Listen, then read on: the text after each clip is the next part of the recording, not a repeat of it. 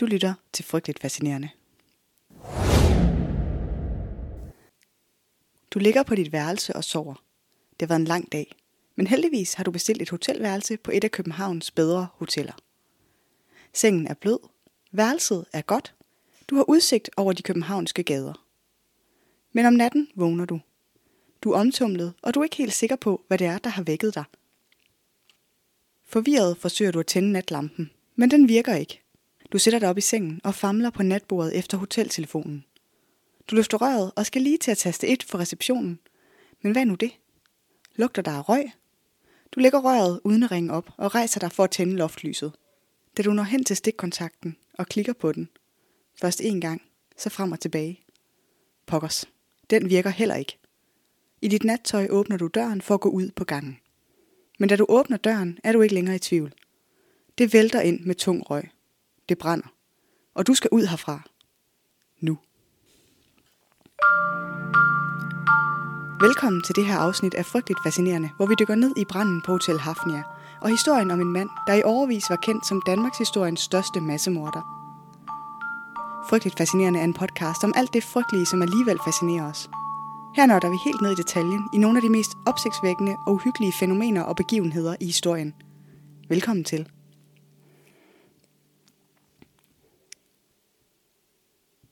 På værelserne på Hotel Hafnia ligger de fleste gæster og sover, da portieren i receptionen kl. 02.41 slår alarm.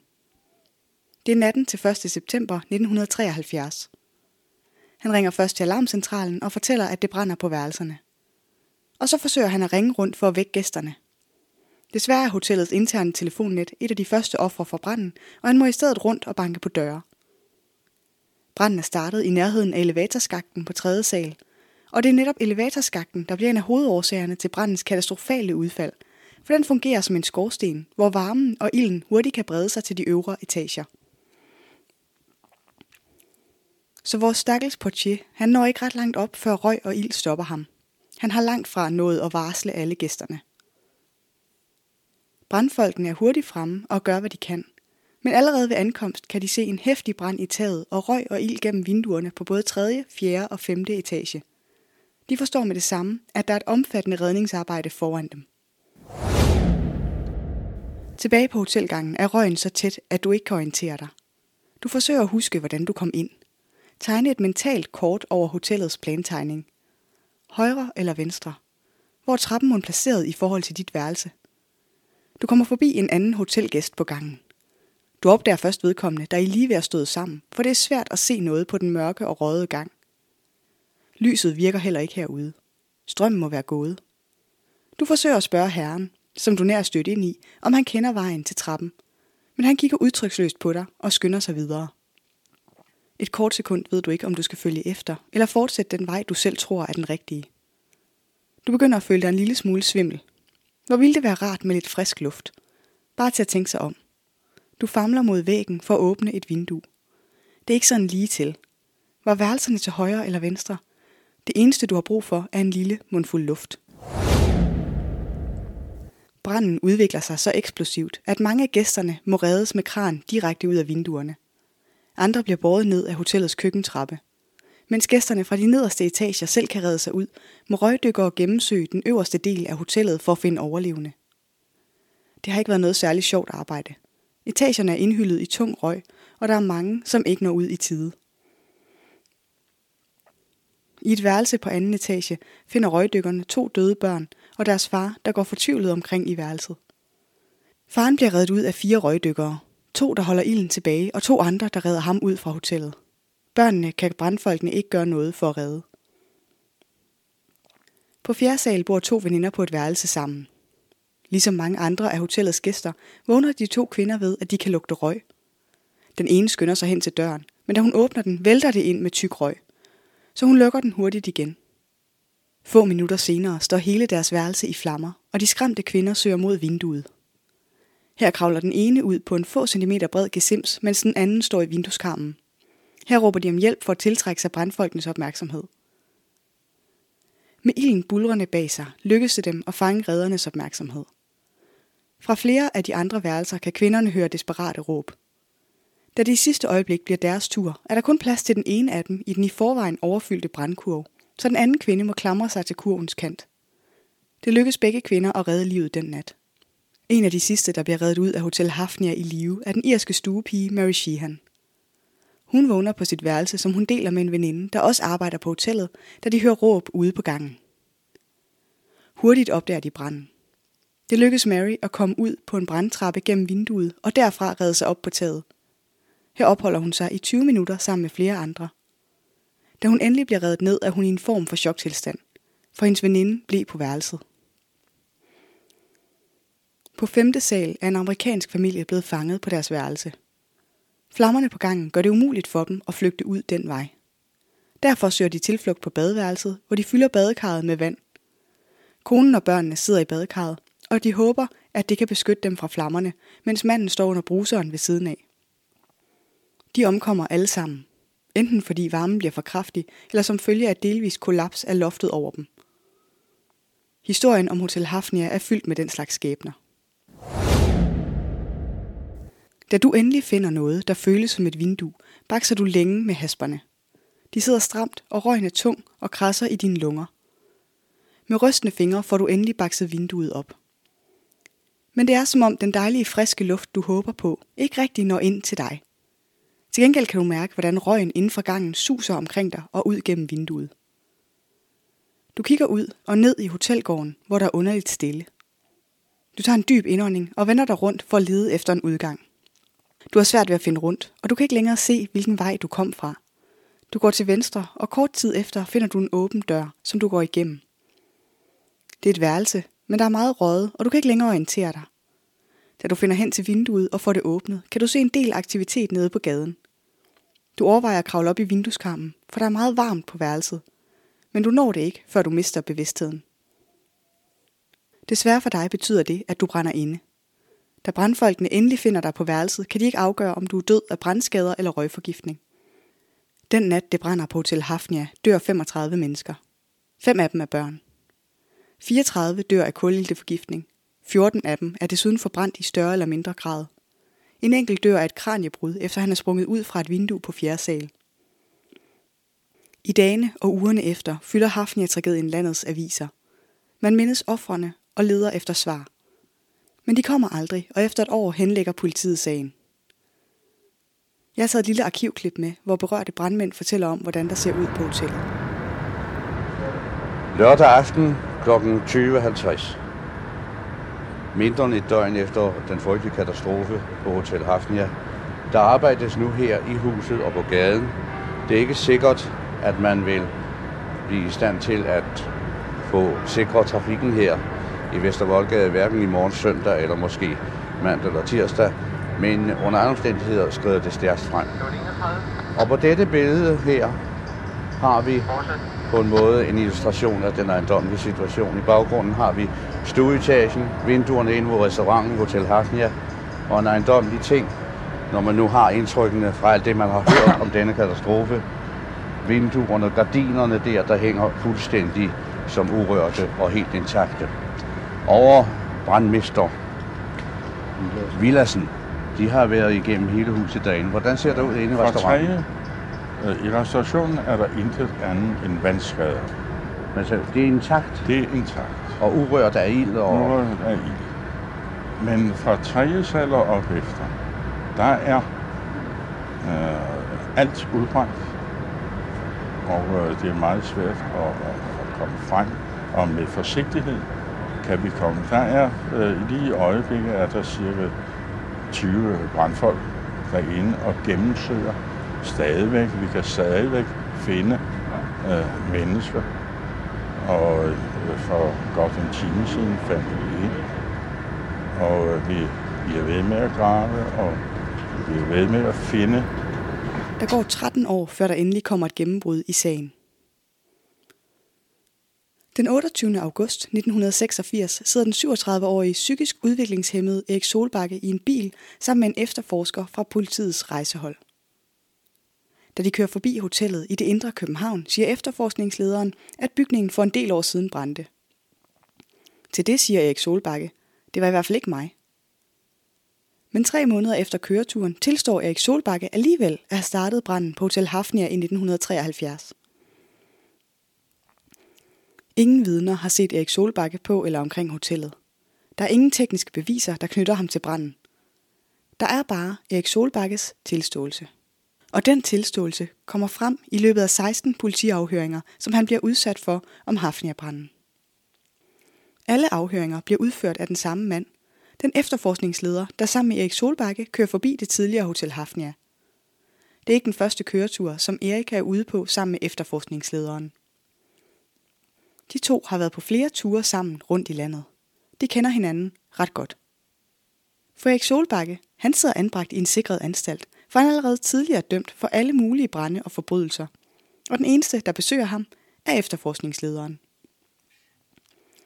De to tager på udflugter, tager ud og spise sammen, og det er efterforskningslederen, der fejrer Eriks fødselsdag. Og sammen opklarer de to den ene forbrydelse efter den anden.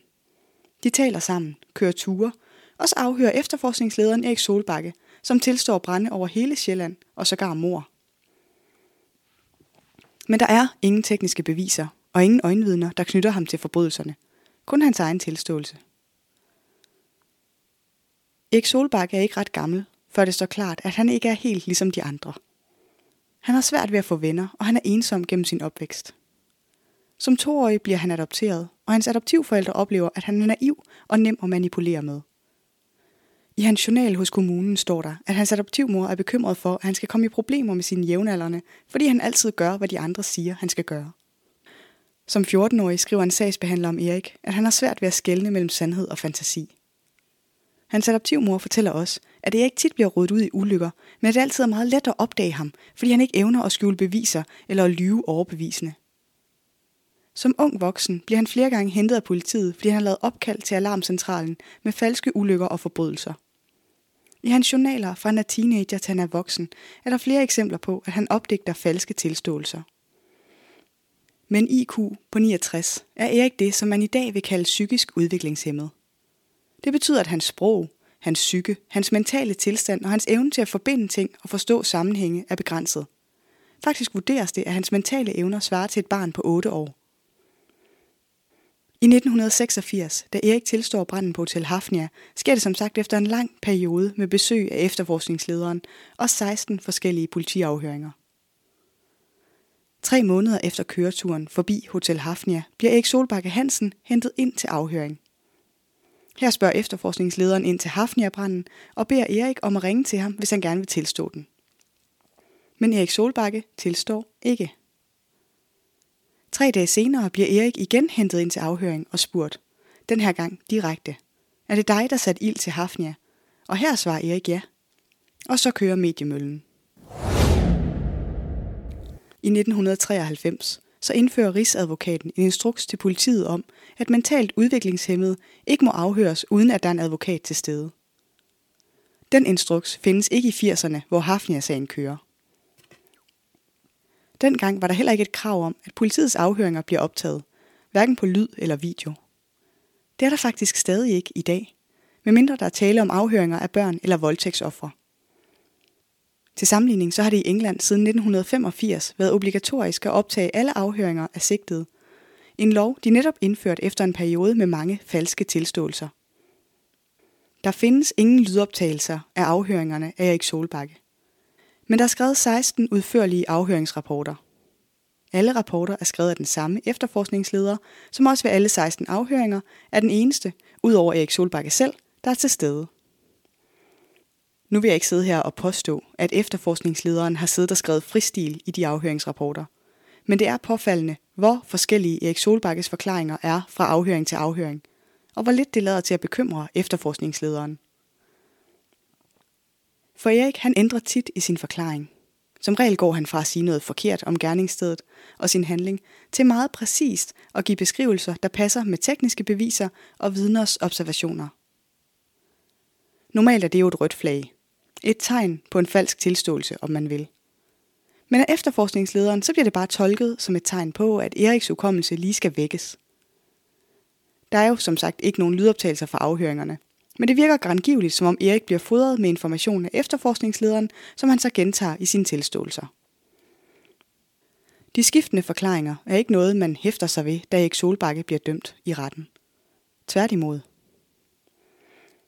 Der står i dommen, at tiltalte til stadighed har afgivet en med de faktiske omstændigheder samstemmende forklaring.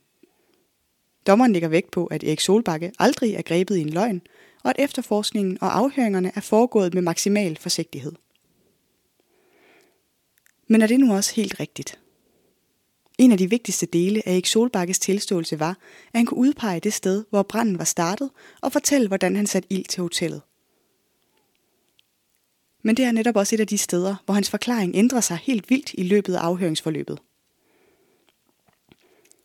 I hans første forklaring, så går han ned ad gangen med værelser på begge sider. Her lægger han mærke til, at nogle af dørene står på klem, og han kigger ind på nogle af værelserne. Herefter antænder han branden ude på gangen, enten med aviser eller benzin, og forlader hotellet. Men den forklaring er problematisk. Fire dage senere får efterforskningslederen alle sagens akter, herunder også brandrapporten. I brandrapporten kan han læse, at Erik Solbakkes forklaring ikke passer med de teorier, som brandeksperterne beskriver. De peger alle sammen i retning af et rengøringsrum på hotellets anden sal, som det mest sandsynlige sted, hvor branden er startet. To uger senere afhører efterforskningslederen igen Erik Solbakke om Hafnia-branden. Nu fortæller han, at han sætter ild til en affaldssæk af papir i et rengøringsrum. Og så passer forklaringen pludselig med brandeksperternes vurdering. Først forklarer han, at han tændte branden med benzin eller aviser, og så ændrer han den forklaring, efter at politiet har læst op på selve sagen. Og så passer forklaringen bedre med beviserne.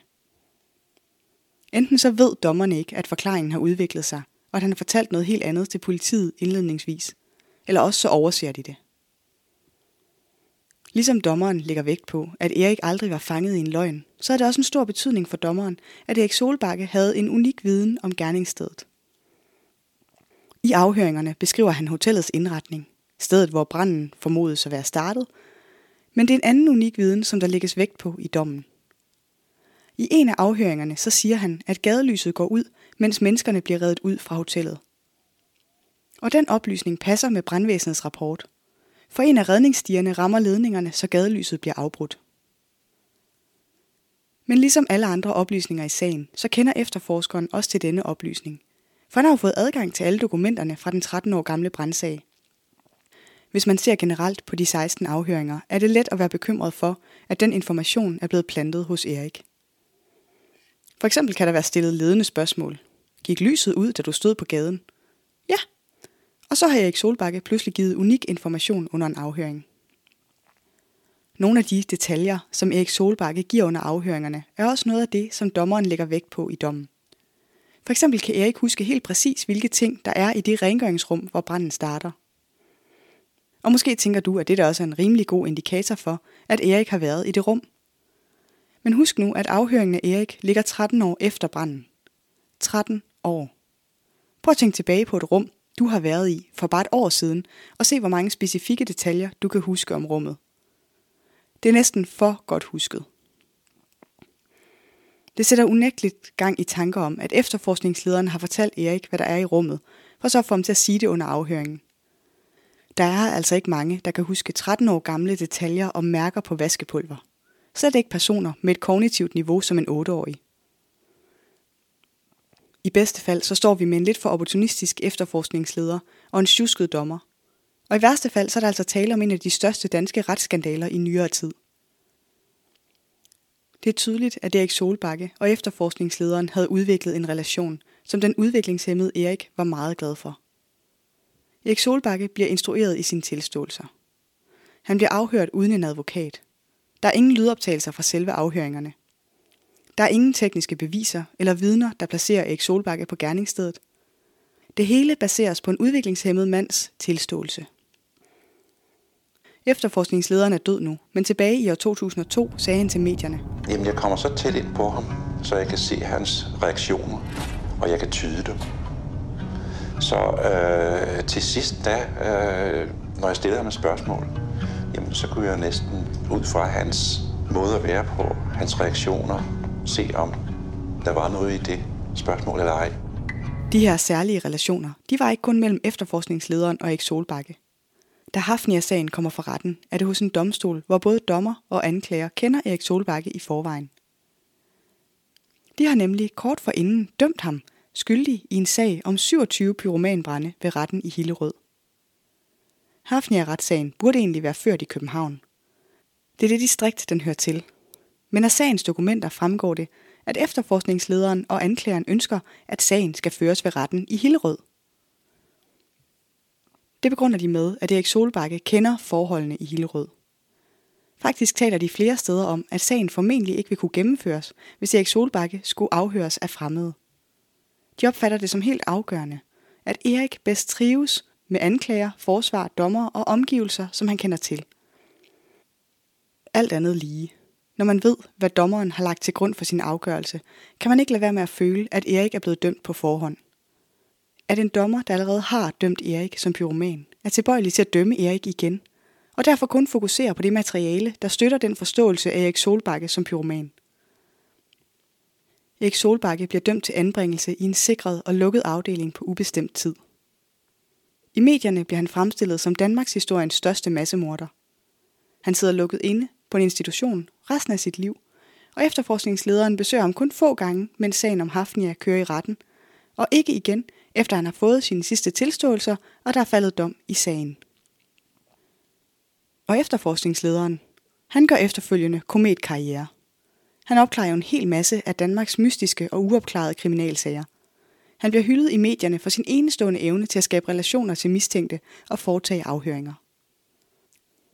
Hvis det her med fabrikerede tilståelser også er noget, som du synes er sindssygt spændende, så har jeg lige et par anbefalinger at gå hjem på.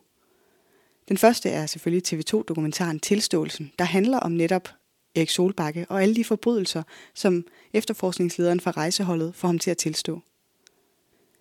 En anden lille glemt perle er mordet på Kevin, som også ligger på TV2. Og det er en svensk sag, hvor vi også dykker ned i de problematikker, der er, når en efterforsker bliver lidt for ivrig i en afhøring. Her der er det dog med børn i stedet for udviklingshemmede. Det er dejligt at være tilbage igen. Jeg håber ikke, I savnede mig for meget i sidste uge. Jeg har været på en dejlig ferie, og jeg fortryder ingenting, men nu er jeg tilbage på min faste udgivelsesplan.